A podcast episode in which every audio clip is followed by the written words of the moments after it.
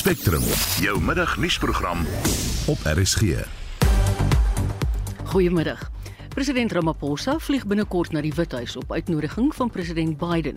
Ons kyk na wat hulle moontlik gaan bespreek. Verskeie hoëgeplaaste gesondheidsrolspelers onttrek aan die 7de Suid-Afrikaanse tuberkulose konferensie in Durban. I could not attend anymore because the conference organizers is funded by the tobacco industry. En beter waterinfrastruktuur moet in die Wes-Kaap geskep word omdat die provinsie 'n warmer, droër klimaat gaan beleef weens klimaatsverandering. Welkom by Spectrum. Die redakteur vandag is Justin Kennedy.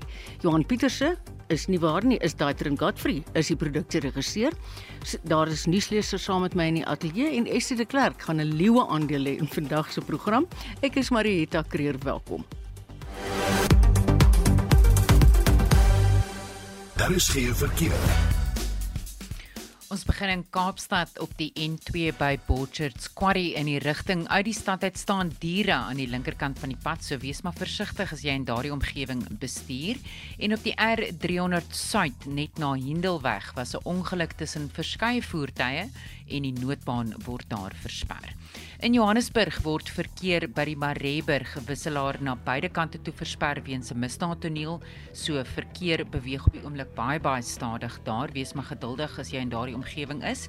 En in Greenstone is 'n ewige verkeersopeenhoping by Modderfonteinweg al die pad tot by die Greenstone inkopiesentrum. Indien jy enige ander verkeersnuus het, stuur vir ons 'n SMS na 4588910 R50 per SMS en begin die boodskap met die woord verkeer.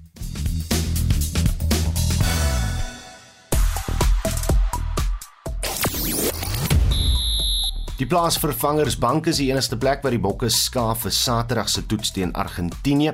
Daar word berig dat Mark Boucher aangekondig sal word as die afrigter van die nuutgevormde My Cape Town vir volgende jaar se SA20 reeks en Manchester City se wonderdoelskieter Erling Haaland vanaand in aksie teen sy ouspan Borussia Dortmund. Dit is net een van die Europese Kampioenligga wedstryde wat vanaand plaasvind. 'n Volledige bulletin volg net na 12:30. Op sosiale media trek die hitsmerke Stage 4 en Load Shedding baie aandag en dis natuurlik vir geen ander rede nie as dat Suid-Afrika tans op fase 4 beurtkrag geplaas is. En internasionaal word die hitsmerk Camilla baie gedeel en mense sê hulle leer nie net in die afgelope paar dae meer oor die koninklike familie as ooit tevore nie, maar CBS News berig ook Camilla, die koningin gemaal koning Charles III se vrou speel nou 'n rol wat baie mense haar nie in die verlede gegun het nie. En soos wat openbare opinie oor haar sal verander, sal sy ook die koning se anker word, soos wat prins Philip koningin Elisabeth II se anker was. Ek is later terug met nog sosiale media nuus. Spectrum, jou middagnuusprogram op RSG. Welkom terug by die program, dis 7 minute oor 12. Minstens 6 liggame met skiet- en steekwonde is langs die N1 hoofweg naby die Mariesburg afrit in Gauteng gevind. Ons het dit in die nuus ook nou gehad. 'n Woordvoerder van die Johannesburgse Metropolisie, Lani Fila, sê die slagoffers is vermoedelik onmetige mynwerkers wat in die gebied werksaam is. Die polisie, Metropolisie en Gautengse verkeerspolisie is steeds op die toneel en verkeer word in albei rigtings ontwrig. Die SAK se verslaggewer wat op die toneel is, is Session Naidu. Good afternoon Session. Hi, good afternoon. What information did the police actually confirm? So at this stage, the police have confirmed that they have found six bodies of alleged illegal miners that were found on both sides of the roads just at the Mariesburg off ramp on the N1 freeway. So they did say that the bodies were found with multiple gunshot wounds and some of them also with So it is alleged that there was a turf war that was uh, happening late last night between uh, rival illegal miners in the area, which did result in the shootout occurring and these bodies having been found in the early hours of this morning. Station, yes, that's the thing I wanted to know from you. Early morning news bulletins had it that there were four, and then an extra two more bodies were found. Can we take it that we think the time of death is in the early hours of the morning? Yeah, so let me take you through what basically happened. So earlier on this morning, we were getting reports from paramedics saying that they actually found four bodies mm. that they had confirmed. So once the scene actually started progressing, uh, we did see that it was over a vast area of land and on both sides, both southbound as well as northbound of the freeway, where more bodies were being found. So all of them weren't actually in the same place. They were spread out across the, the both sides of the felt uh, next to the freeway. So that is why, you know, as police conducted the investigation and were searching around the areas, they began finding more bodies. So now, as we stand, it is confirmed that six people have in fact been uh, killed in this incident. Thanks. Would you say that there's still a lot of law enforcement agencies, bystanders, etc.? Yes, at this stage, traffic is heavily backed up on both sides of the freeway. You know, with curious uh, motorists and onlookers uh, trying to get a glimpse of what mm. exactly is happening. Police are out in their numbers. We are seeing members from Gauteng Traffic Police, the South African Police Services, as well as JNPD officers who are still at the scene. Uh, just a few uh, minutes ago, at around half past 11, if I'm not mistaken, uh, the forensic pathology services began arriving at the scene and they did start taking out bodies one at a time. So the scene should be active for the next uh, possibly uh, say the next hour or two until you know all those bodies could actually be taken out by the forensic pathology services. Thank you so much, Session. Ons het gepraat met die SAK se verslaggewer op die toneel waar hierdie liggame gevind is, Sashin Naidu. 10 minute oor 12. Die parlementêre ondersoek na die geskiktheid van Busisiwe Mqwebane as openbare beskermer het gister 'n dramatiese wending geneem na beweerde dreigemente gemaak is aan die komitee voorsitter Kubudile Danchi. LPS eis nou dat advokaat Dali Mpofu ondersoek moet word nadat hy tydens 'n ewige woordewisseling aan Danchi gesê het dat hy en ek al aan spyt sal wees oor sy optrede teenoor hom. Dr Corneil Mulder is die hoofsweep van die Vryheidsfront Plus en hy praat nou met ons. Goeiemôre Corneil. Goeiemôre Mariet en goeiemôre aan die luisteraars. Skets vir ons die prentjie wat gister gebeur het asseblief. Ja, kom ek sê ek sal graag begin. Ek ek ek's bietjie onseker hoe ek uh, meneer Mpofo moet aanspreek. En die rede hoekom ek dit sê is ongeveer so 3 weke terug tydens skryfondervraging van mevrou Baloyi het meneer uh, Mpofo so op 'n sydlyn gegaan en gesê maar um, hy het 'n groot probleem met al hierdie koloniale terme van meneer en mevrou en dokter en so aan. So ek vermoed advokaat sal seker een wees, maar kom ek kom ek probeer sê wat gister gebeur het. Ons het van die begin af het ons 'n probleem met uh, meneer Mpofo deurdat hy onder die indruk is dat hy's in die hof. Ons het hom hoeveel keer verduidelik en gesê jy's nie in die hof nie. Jy's by die parlement. Hier's 'n parlementêre komitee in terme van artikel 194 van die grondwet en dit is hoe ons funksioneer. En hy probeer almekaar dit verander in 'n hof, maar goed, hoe dit ook al sê. Ehm um, daar is 'n agteroor gebuig nou regtig vir meer as 'n maand, 2 maande feitelik wat die proses aan die gang is om hom te akkommodeer oor en oor en oor. Ons spandeer dae, ure en weke aan kruisondervraging wat hy op sy tyd rustig deurgaan. Mm. En ons het nodig gehad gister om met ons verrigtinge voort te gaan. Dit gaan oor die kruisondervraging van 'n spesifieke getuie. En toe het hy aangedui maar hy hy's nie gereed om aan te gaan in eerste plek nie want hy het verskeie hofsaake wat hy optree vir die openbare beskermer en hy wil gaan voorberei vir van hierdie hofsaake. Nou dit is regtig ek neem kennis daarvan maar dit is nou nie eintlik ons probleem nee. dat hy wil gaan voorberei. En ehm um, sy moet nou maar kyk, sy het 'n hele regspan gehad daar op 'n stadium waarvoor die belastingbetalers betaal. En die voorsitter het toe 'n reëling gemaak en gesê hy's baie jammer, ehm um, ons gaan voort met ons verrigtinge. Ons het nie 'n keuse nie, ons moet aangaan en meneer Mpofu het 'n punt van orde toe gevat en toe hy absoluut ongehoord buite orde opgetree. Hy het begin om vir die voorsitter te sê dat die enigste rede hoekom hy hierdie uh, abuse aanvaar is omdat hy in belang van sy kliënt probeer optree Daarna het hy vir die voorsteur gesê ek is jou meerdere. Ek is jou senior in in verskeie opsigte, nie net in ouderdom nie, maar ook in ander aspekte. Wat dit ook al mag beteken sal net meer in Polfo waarskynlik weer is ongelukkig ongekend om dit nou vir 'n parlementêre komitee voorsitter te sê. En toe maak hy eksplisiete dreigement. Toe het hy hom gesê uh, jy het nou die mag, jy kan maar aangaan, but in the future you will pay for this. En toe die voorsteur meneer Jantie hom gevra, is dit nou 'n dreigement? En toe het hy baie duidelik geantwoord gesê ja, Daarna het hy gesê uh dis nie net 'n dreigement nie, dis 'n promise, dis 'n belofte. Ja. Nou dit is regtig ongehoord en uh ek dink meer in Paul Foos se selfbeheersing het 'n probleem. Um hy sukkel om homself te beheer van tyd tot tyd en dan gaan ons seker politieke drafstappies van hom. En uh dit was gister weer so geval. Julle is nou optrede teen hom Corneille, watter stappe kan gevolg word? Ja, kom ek vir jou sê hy moet nou maar verstaan hoe dit werk. As hy in die hof optree, is daar sekere reëls by die parlement, is daar ook ander reëls. En daar is spesifieke wet wat uh, bestaan wat op die wetboek is. Ons praat van hom in sy Engelse terme is die Powers and Privileges Act mm. wat basies handel met 'n klomp dinge rondom die parlement se werksamehede, die werksamehede van lede ensovoorts.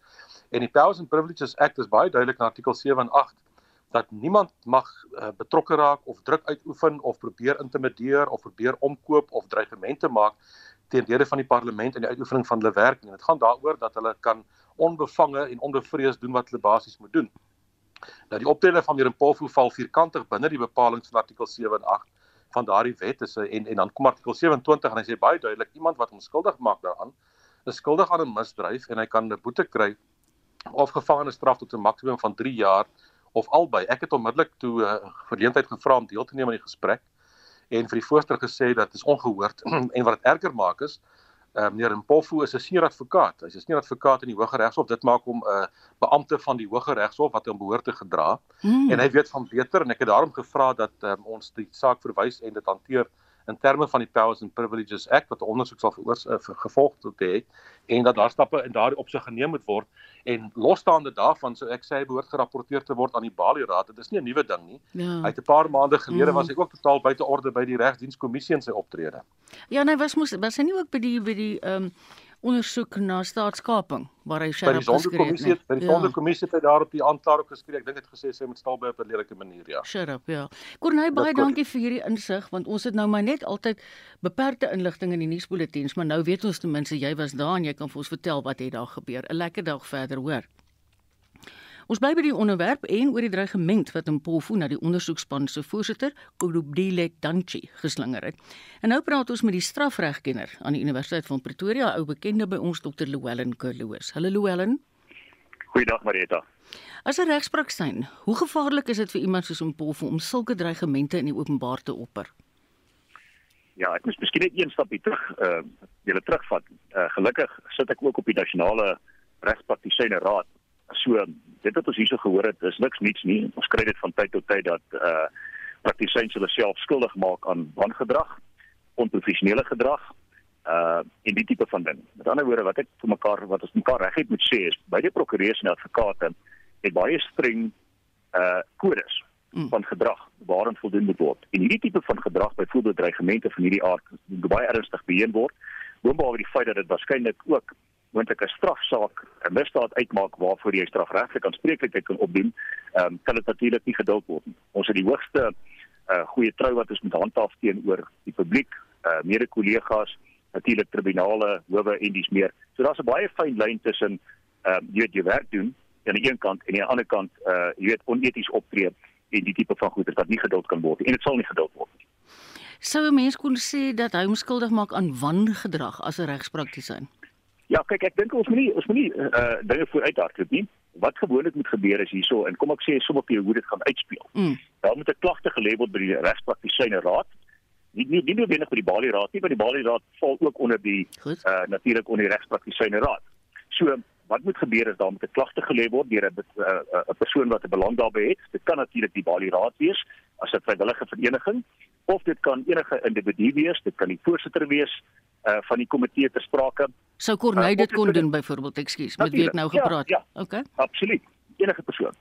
Dit kan selfs wees dat die dat dat die regspraktyk uh, raad dit self uit eie geleedere mm. initieer op mm. grond van dit wat in die media bekend geword het wat ons nou hiermee te doen het. Goed. Dan sê artikel 39 of reël 39 tot dan ook meer 45 van die kode van regspraktisyns wat geïnkorporeer is by die wet dat daar dan 'n ondersoek van stapel gestuur word deur die provinsiale raad van die regspraktisyne raad. Hulle stel 'n um, ondersoekkomitee aan wat net die getuienis luister, die audi alteram partem reël vind plaas met ander woorde hy sal kans kry om sy kant te stel op skrif en as dit dan sogenaamde prima facie getuienis daarstel. Met ander woorde op die eerste oogopslag is daar iets wat wat wat nie lekker klink nie. Dan word dit verwys na 'n dissiplinêre komitee van die provinsiale raad. Hulle ondersoeke, dis 'n onafhanklike komitee bestaande uit persone wat nie um, op die raad self van die provinsie of nasionaal sit nie, met ander woorde praktisyns ehm um, wat wat wat van dag tot dag praktiseer, prokureurs en advokate met baie jare se ondervinding wat dan 'n bevinding maak en 'n aanbeveling maak aan die raad of dit geregverdig is om 'n skrappingsaansoek te bring teen hierdie persoon dan word die hof genader en uiteindelik kan dit tot die skorsing of die skrapping van 'n praktisyn lei. Dis die uiteinde daarvan. Daar is ook 'n artikel in 41. Ehm um, word voorsiening gemaak vir 'n appeltribunaal. Enige persoon of individu en dit sluit natuurlik beide die aangeklaagde in die geval miskien in Polfoot of die klaar in wat ontevrede is met die uitsluitsel of die uitkoms van mm. dissiplinêre komitee mm. om dit uh, of te vat direk hof toe op hersieningsaansoek of moontlik na 'n appeltribunaal toe uh en natuurlik na die ombudsman toe. Daar is 'n ombudsman, ja. regter Desai, mm. wat aan die einde van die dag natuurlik die finale regting kan plaasvind. Ehm um, so dit is dit is die dis die dis die dis die verloop van die van die proses. Louwelen het iemand in die verlede hom al aangekla. Ja, ja, definitief. Om die waarheid te sê, daar is 'n daar was in die koerante gerapporteer dat die sogenaamde regspraktisyne raad klaarblyklik om onskuldig bevind het op dit wat hy kwyt geraak het. Jy sal onthou uh, in sy sonde ja, ja, uh, kommissie uitwerking. Nou dis nie dis ook nie heeltemal korrek in die waarheid nie. Daar was wel 'n dissiplinêre komitee gewees wat 'n bevinding gemaak het uh, gesê het weet in sy kultuur sou dit nou nie neerkom op een of ander wangedrag nie. Maar ek kan dit met onomwonde taal vir die publiek al buite sê, daardie saak is heidaglik voor die nasionale raad, met ander woorde, daar moet heidaglik oorweeg word op daardie bevinding van die dissiplinêre komitee ah. van die provinsiale afdeling moontlik op hersiening geneem word omdat daar nie ehm um, eenvoudigheid is oor die korrek dat die oor die korrektheid van daai bevinding nie. So dis nie die einde van die van van die proses nie. Daar's nog 'n lang proses wat gevolg moet word. Ongelukkig vat dit tyd. Ehm um, en wat ons werk hier so met besige skedules, mense se beskikbaarheid en dis meer.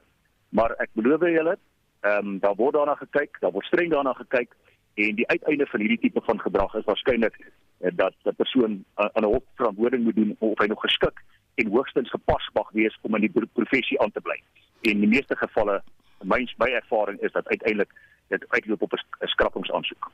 Llewellyn, dit is besonder interessant en kan ons jou asseblief in die toekoms lastigval om net te hoor wat gaan met daai saak aan? Nee, natuurlik, uh, absoluut. Ons, ons volg dit. Soos ek sê, jy weet ek wil nie uh bevindinge vooruitloop nie. Nee, nee. Algesien ek miskien op 'n stadium self uh deel moet vorm van 'n uh, van 'n ondersoekspan wat moet kyk na die mm. na die professionele gedrag onder nie. Mm. Uh en mens wil nie, jy weet, mens wil altyd objektief wees, onafhanklik wanneer jy so 'n bevinding maak sodat beide kante aangehoor word. Mm. Uh maar wees verseker, dit word nie net onder die mat ingedruk nie en soos ek sê, daar is dan altyd daardie sogenaamde checks and balances wat bestaan, as ons die Engelse ja. term kan gebruik. ja. En in hierdie geval is dit 'n onafhanklike regter, uh regter Desai wat die ombudsman is. Hy het uiteindelik die finale seggenskap uh, indien daar nog nie tevredenheid uiteindelik plaasgevind het nie. Llewellyn baie baie dankie. Ons het nou gepraat met die strafregkenner aan die Universiteit van Pretoria, Dr. Llewellyn Kerloos. 21 minute oor 12 jy luister na Spectrum.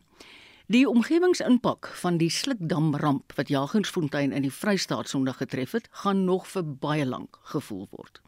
Dis die mening van die omgewingsregte organisasie Groundwork se operasionele direkteur, Avina Jacqueline. En ons praat nou met haar. Good afternoon, Avina.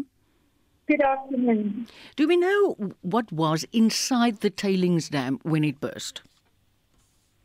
So, what we need to understand about tailing storage facilities is that they are essentially waste facilities. So, this is many, many years of a lot of the uh, waste rock and chemicals, uh, you know, that have been piled into this uh, waste site. Mm. So, it is a combination of uh, waste sludge which, uh, as you've seen also in the, you know, uh, on the video footage, yes. uh, that is this grey, very fine sludge, and it also combines with a lot of high bacteria levels.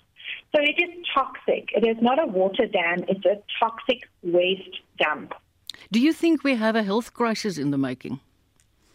Uh, yes, I think what we need to understand here is that uh, where uh, this event has taken place, uh, there are a number of um, you know, small tributaries, etc. And this now goes into the Orange River catchment area. Mm, mm. So the effects are uh, actually further down the stream. And as you know, the Free State is quite dependent on this uh, water system for its own uh, water supply, and that means potable water. Farmers are dependent on this water as well as their animals um, and for crops and for irrigation. So it, it impacts on livelihoods and ecosystems uh, much further than this point. Avina, would you say that groundwork up till now got the impression that the government is actually worried about this? Well, we have a number of concerns. You know, right at the beginning, I mean, obviously, uh, De Beers has made uh, quite a bit of profit out of this, and that there was not proper rehabilitation and cleaning up of the site thereafter. It seems that they have sold off their liability for a very small price, you know, for mm. somebody else to pick up later on. So there are a number of factors here um, there should have been a proper due diligence right at the beginning. And the DMRE should be holding people to account. I think there's been a lot of changes in legislation that actually don't hold the DMRE accountable anymore. And I think that, you know, DWS, for example, has uh, given issued warnings around the tailing storage facility. Um, but governments should actually open up their eyes because if we look around the country, there are a number of tailing storage facilities with very highly toxic uh, waste materials in them. And we need to understand the risk that this poses mm. to communities that are downstream of this. Mm. Not only that, you know, in terms of contamination of our water supplies. And South Africa has some of the highest high risk uh, tailing storage facilities in the country. There are approximately over 80 considered extremely high risk.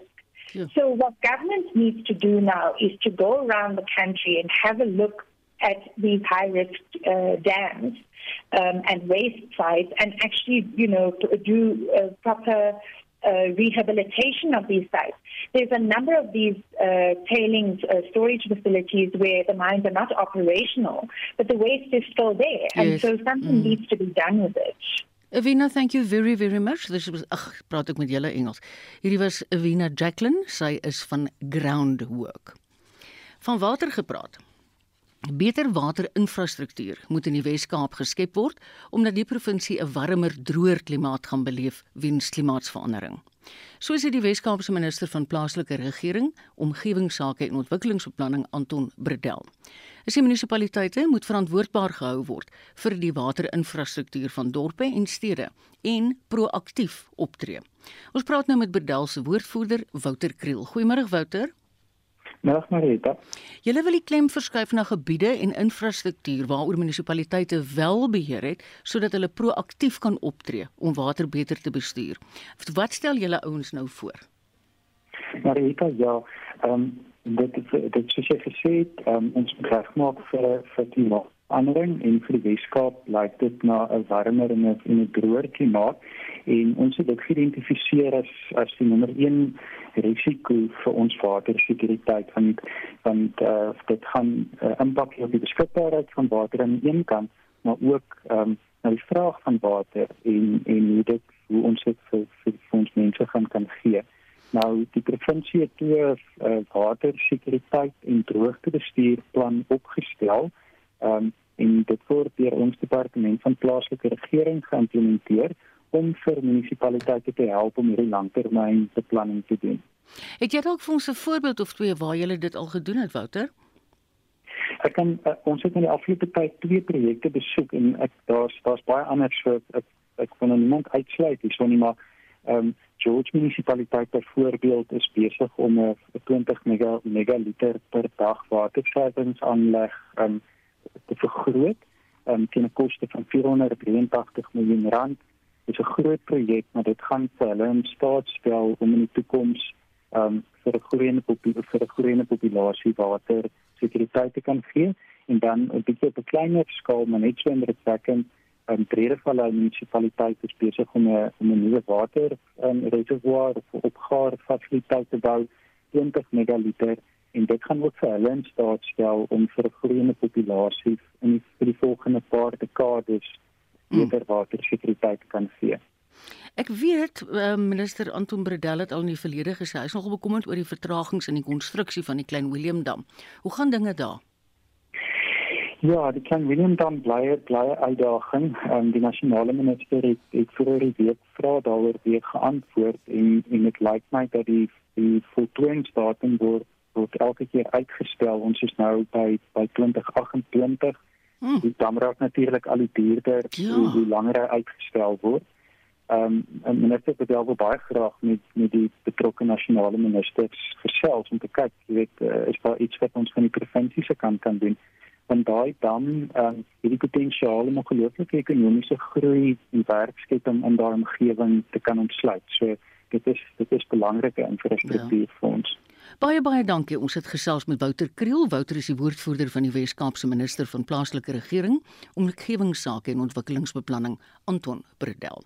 Ons is op pad na 29 minute oor 12 toe. Nou iets heeltemal anders. President Cyril Ramaphosa vergader Vrydag met die Amerikaanse president Joe Biden in Washington DC op uitnodiging van Biden. Ontleeders meen dit is onwaarskynlik dat die fokus van die vergadering die FSA en Suid-Afrika se uiteenlopende standpunte oor Rusland se inval in die Oekraïne sal wees. Ons praat nou met professor Theo Venter, Theo is verbonde aan die Universiteit van Johannesburg. Goeiemôre Theo. Hallo Marieta. Hoekom dink jy het Biden vir Ramaphosa uitgenooi vir hierdie vergadering? Wel, hy was omtrent 'n jaar gelede ook in in Amerika en dit was ook 'n Withuis besoek. Daar is 'n goed uh, ontwikkelde bilaterale ooreenkoms tussen ons en die FSA. In Engels staan dit bekend as die SA-US Strategic Dialogue en dan was um, sy minister van buitelandse sake Blinken so 'n maand gelede hier in Suid-Afrika in gesprek met ons minister van uh, buitelandse sake en ek dink daar is hierdie uit uitnodiging gefinaliseer. Ehm um, dit amptelik soos jy in jou inleiding gesê het, gaan oor samewerking, dit gaan oor ekonomiese samewerking, dit gaan oor die rol van die FSA in Afrika, maar ek dink onderliggend gaan hierdie twee leiers nie by die Oekraïne verby kan kom nie. Eerens gaan dit op die tafel beland op die Withuis. Ja, dis dalk sê dit noem maar ek moet vir sê selfs net in klein praatjies wat hy ou maak dink ek ek stem met jou saam. Maar kom ons kyk die oorlog in Oekraïne en die wetgewing wat die FSA onlangs aangeneem het, sal sekerlik ter sprake wees.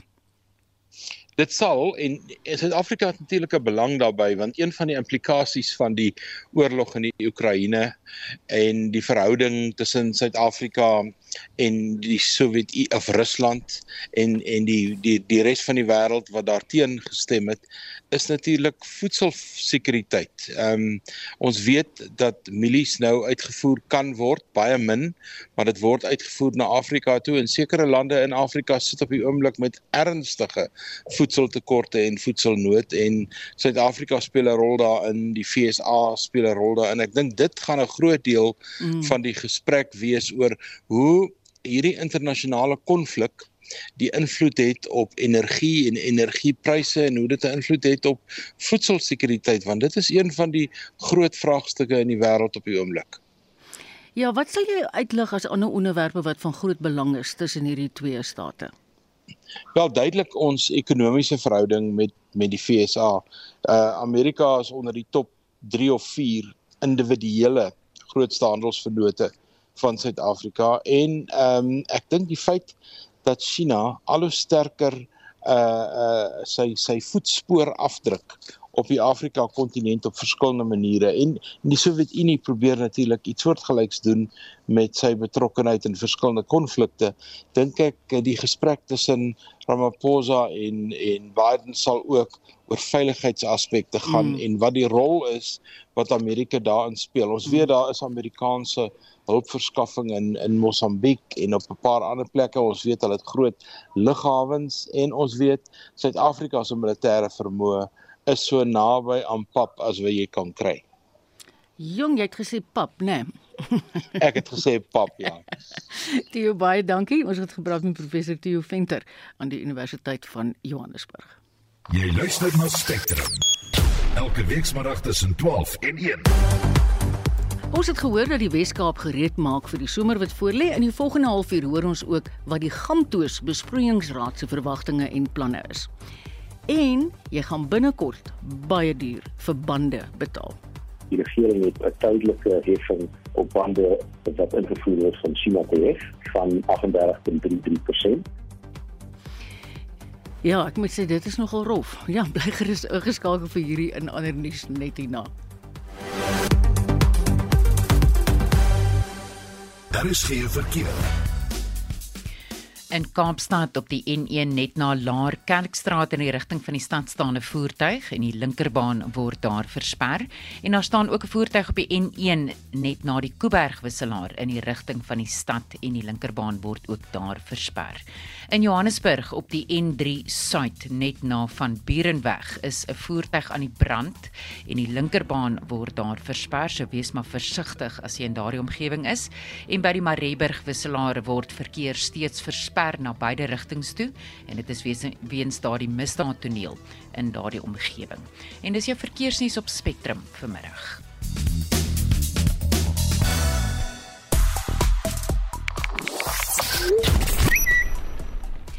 En op sosiale media trek die hitsmerk Senzo Mayiwa trial steeds baie aandag en dit is na aanleiding van die moordverhoor van die voormalige Bafana Bafana sokkerspeler Senzo Mayiwa um, wat wat se verhoor in die Hooggeregshof in Pretoria voortduur.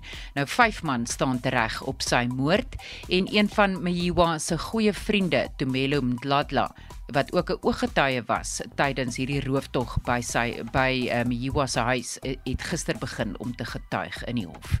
En die hitsmerk Cyril is baie gewild en dit nou dit verwys nou natuurlik na president Cyril Ramaphosa en verskeie onderwerpe word bespreek van die Palapala Farmgate sage tot Ramaphosa se opkomende besoek aan die Withuis en sy ontmoeting ontmoeting met president Joe Biden Vrydag.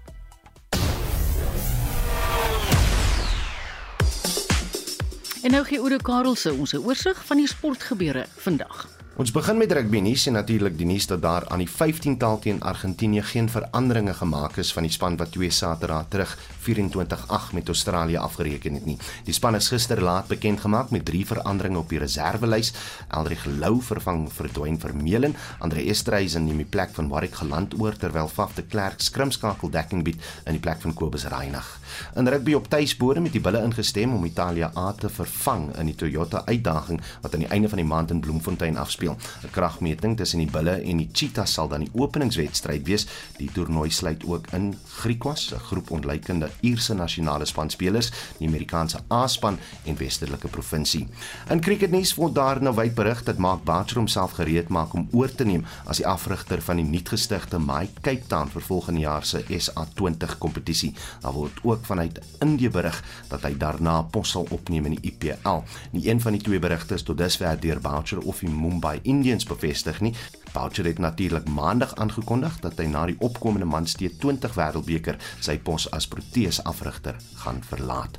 Cricket Suid-Afrika het ook vandag sy wedstryde bekend gemaak vir die tweede divisie nasionale T20 kompetisie. Die toernooi skop Vrydag die 30ste September af met nie minder as 4 kragmetings nie. Die eerste hiervan vind in Pietermaritzburg plaas waar die Eastern Storm te staan kom teen die SA onder 19 span wat hierdie jaar weer deelneem.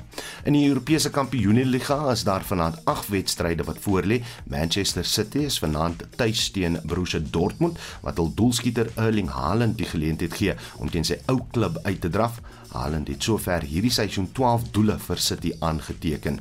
In die aand se ander wedstryde is Milan tuis teen Dinamo Zagreb, Shakhtar Donetsk speel teen Celtic, Rangers is tuis teen Napoli, Chelsea verdedig die trots van Stamford Bridge teen RB Salzburg. Real Madrid kom teen RB Leipzig te staan. Kopenhagen speel teen Sevilla van Spanje. Juventus tuis teen Benfica en Israel se Maccabi Haifa speel teen PSG van Frankryk. En om mee af te sluit, 'n paar brokkies. F1 renjaer Alex Albon is uit die hospitaal ontslaan nadat hy die Italiaanse GP misgeloop het weens asemhalingsprobleme. En Marc Marquez maak die naweek sy terugkeer na MotoGP na beseringsafwesigheid van 4 maande. Sal die agmalige wêreldkampioen die naweek weer in die Aragon GP te sien wees. Dankie Oudo, dit was Oudo Karelse met vandag se sportnuus. Jy luister na Spectrum. Elke week saterdag tussen 12 en 1. 21 minute voor 1. En ons het vroeër in die program gehoor dat die Weskaap hulle vere regskit vir 'n baie warm somerseisoen. Maar in die Oos-Kaap oorleef inwoners die afgelope 5 jaar met waterbeperkings. Ons praat nou met die uitvoerende hoof van die Gamtoos Besproeiingsraad, Renet Koleski. Goeiemôre Renet. Hallo Marieta. Wat is julle verwagtinge daar waar julle is vir die somermaande? Marietta, weet jy, ons verwag ook maar 'n warm somer, maar daar is darm so 'n bietjie aanduiding dat dit lyk vir my dat ons 'n bietjie bo verwagte reën sal kry. Ehm um, dis reg, ons gaan al deur die laaste 5 jaar, ons gaan eintlik na ons 6ste jaar in van streng waterbeperkings uh, waardeur ons boere moes leef. So die die droogte het amper 'n manier van leef vir ons geraak. Oh. Ons sien natuurlik baie uit om net op 'n punt te kom waar die droogte verby is.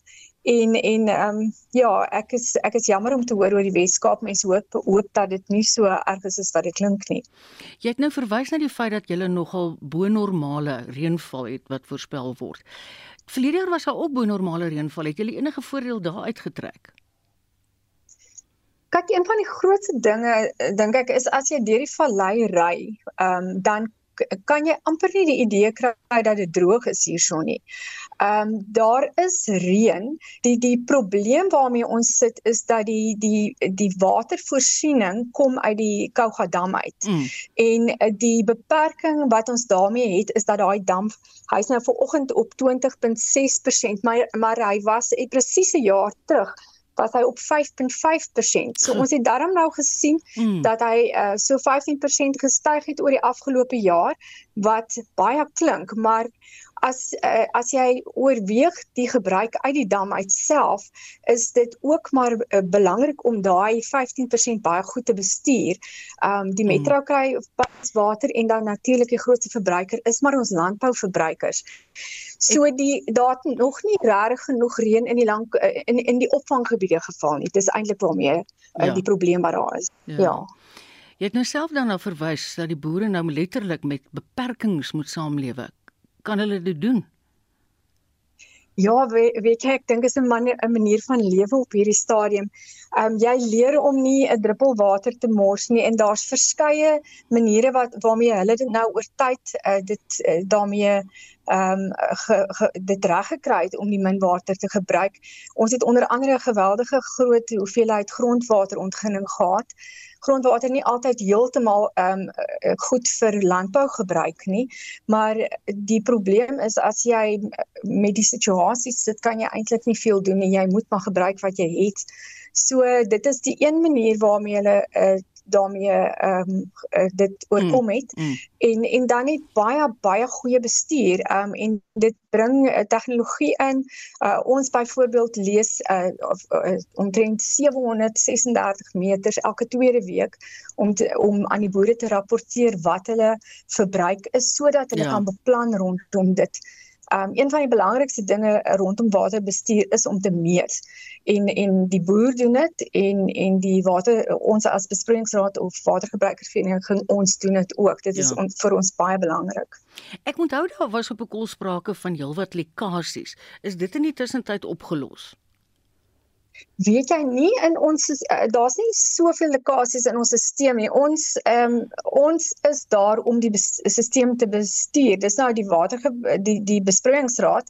Ehm um, ons verliese in 'n oop stelsel van Kougadam tot by Loridam mm. en dan moet jy in aanmerking neem daar's uh, daar is ook nog takkanale is uh, maar 7.5% wat bitter bitter min mm. is maar dit kom ook daarbey in dat ons uh, tydens die tyd wat dit baie droog was die laaste 5 jaar 6 jaar het ons baie ehm um, baie ehm um, maintenance werk onderhoudswerk gedoen op die stelsel om die, om die lekkasies uit te sorteer en ons het ook 'n beleid dat ons binne 24 uur ehm um, enige breuke pipe wat lek regmaak. Ja. Ehm um, dit is nogal eienaardig, jy weet jy mm. het mhm. gesien voor die droogte maklik dat boere water mors of dat nie, nie water mors nie, maar jy sien water miskien in die pad afloop of Um, jy bodder nie baie nie, ja. Dan, ja. Ja, jy, dit gebeur nou glad nie meer nie. Jy jy sien dit die, die almal is op ingestel daarop om water te bes, te bespaar. Renet baie sterkte. Ek hoop eerlikwaar julle kry goeie reën hierdie seisoen. Dis Renet Koleski, sy is die uitvoerende hoof van die Gamtoos Besproeiingsraad. Verskeie hoëgeplaaste gesondheidsrolspelers het hulle self van die 7de Suid-Afrikaanse Tuberkulose Konferensie in Durban onttrek. Die Wêreldgesondheidsorganisasie, die Bill en Melinda Gates Stichting en die internasionale organisasie FIND het onttrek weens beweringe dat een van die konferensie se hoofborge voorheen geld ontvang het vir 'n studie oor die tabakbedryf. Weer Estie. Wetenskaplikes, gesondheidskundiges, beleidsmakers en gemeenskapsleiers woon die konferensie by om Suid-Afrika se verbintenis te herbevestig in die stryd teen tuberkulose. Volgens die direkteur van die Afrika Gesondheidsnavorsingsinstituut en voorsitter van die konferensie, professor Willem Hanekom, sterf meer as 25000 mense jaarliks weens TB. Hanekom het egter eers die onttrekking van die internasionale organisasies aangekondig. About 12 days ago, we heard from the World Health Organization speaker that it could not attend anymore because the conference organizers, FPD, is funded by the tobacco industry. Turns out that FPD has received a small amount of funding to do a study looking at the interaction of cigarette smoking and COVID 19 from a foundation that is called the Foundation for a Smoke Free World. Long story short, it turns out that this foundation is, perhaps I should say, front of the tobacco industry. Suid-Afrika lê 8ste op die lys van 30 lande waar TB hoogtyd vier. Indië lê bo-aan die lys en 86% van alle nuwe TB-gevalle wêreldwyd word in die 30 lande aangemeld. We have more than 300,000 cases of tuberculosis in South Africa every year. And 25,000 people die from tuberculosis in South Africa every year. As if that is not bad enough, what has happened recently during the COVID epidemic is that globally in the world, the amount of people that die from tuberculosis has increased. This is after steady declines over many years in the amount of people that die from tuberculosis. So we're in a trouble at the moment and we really need to take stock of what is happening here. Die nasionale departement van gesondheid het die wetsontwerp op die beheer van tabakprodukte en elektroniese afleweringsstelsels saamgestel. Die adjunkminister van gesondheid, Dr Sibongiseni Dlomo, sê daar word gehoop dat TB-infeksie sal afneem met die wetgewing van die nuwe wetsontwerp.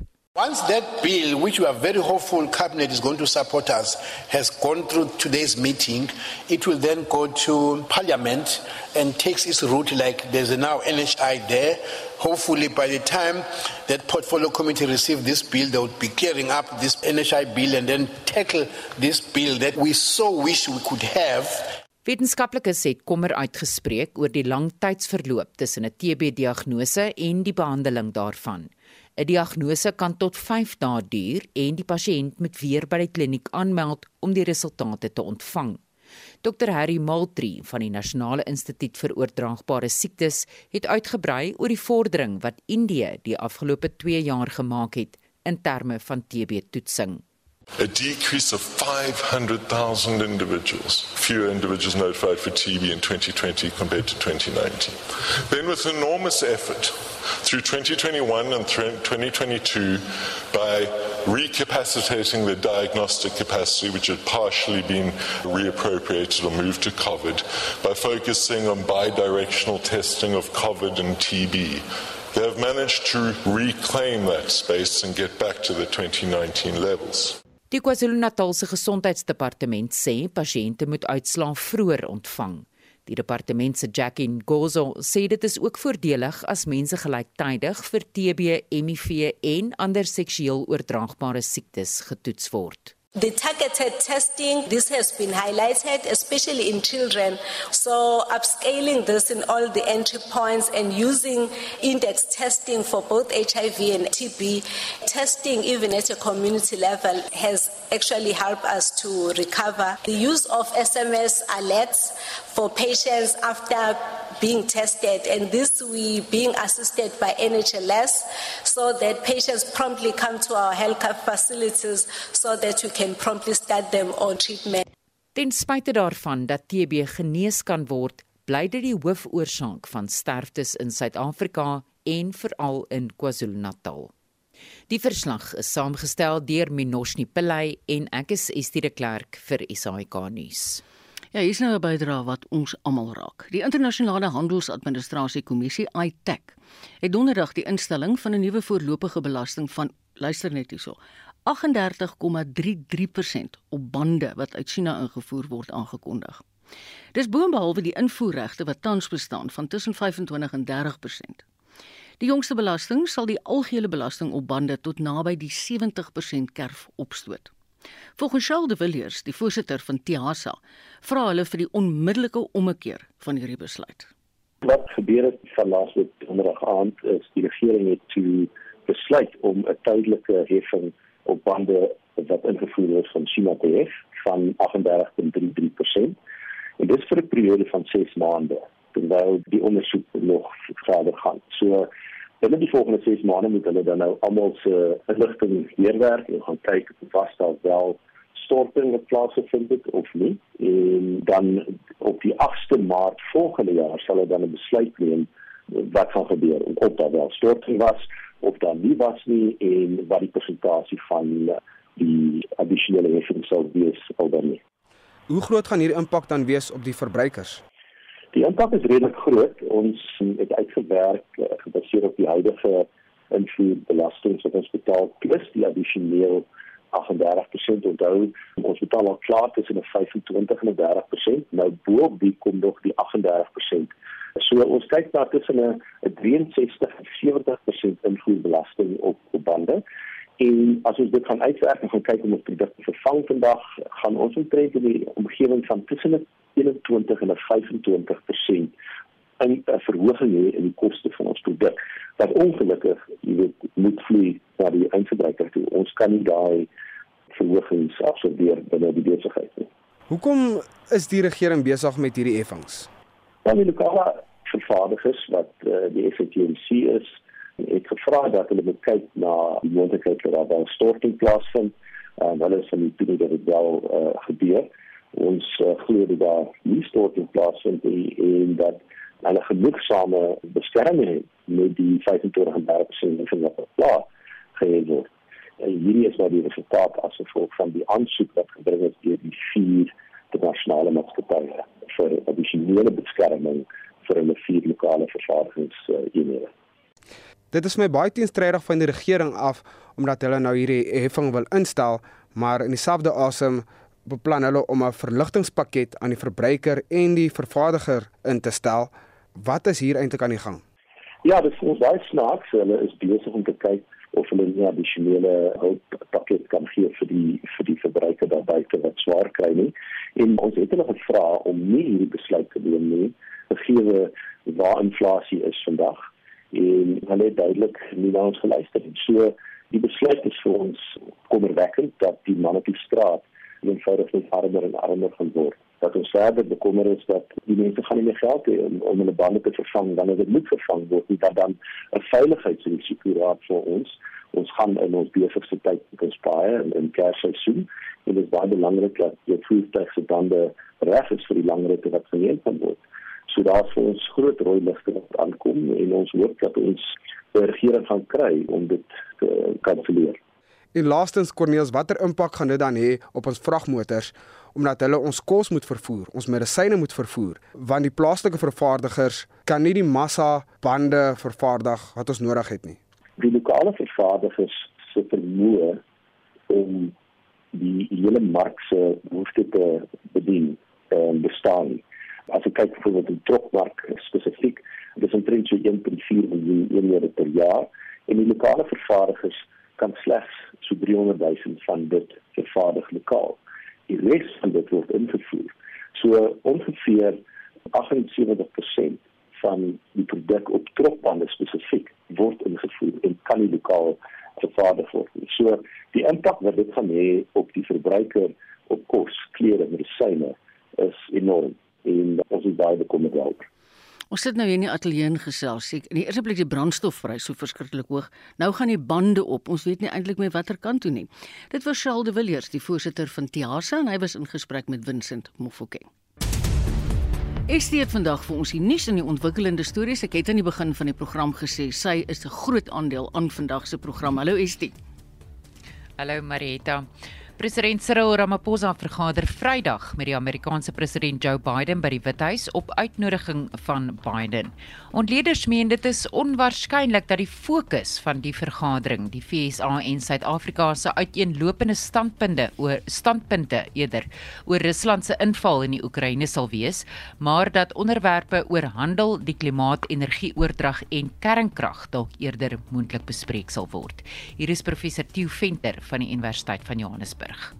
Die besoek van president Ramaphosa Vrydag aan die Withuis is 'n baie belangrike besoek. Nie alleen gaan sake van gemeenskaplike belang bespreek word nie, maar ander faktore soos byvoorbeeld die konflik in die Oekraïne, Amerikaanse hulp aan die Suid-Afrikaanse weermag byvoorbeeld en 'n klomp ander faktore, ook die wedren tussen China en die VSA oor invloed in Afrika. Al hierdie faktore gaan bespreek word.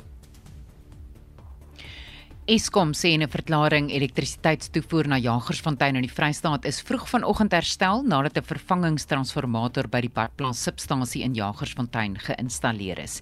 En in Brandpunt om kwart voor 6 berig ons oor Afriforum wat die Departement van Maatskaplike Ontwikkeling in Mpumalanga hof toe sleep nadat die departement glo reeds 14 jaar lank weier om toelaas te verhoog wat betaal word aan 'n huis vir liggaamlike en verstandelik gestremde persone. Baie dankie Estie, dit was haar oorsig van die nuusstories van die dag.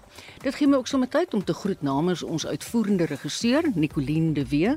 Die redakteur vandag was Justin Kennedy, die produksieregisseur is Daitrin Godfrey.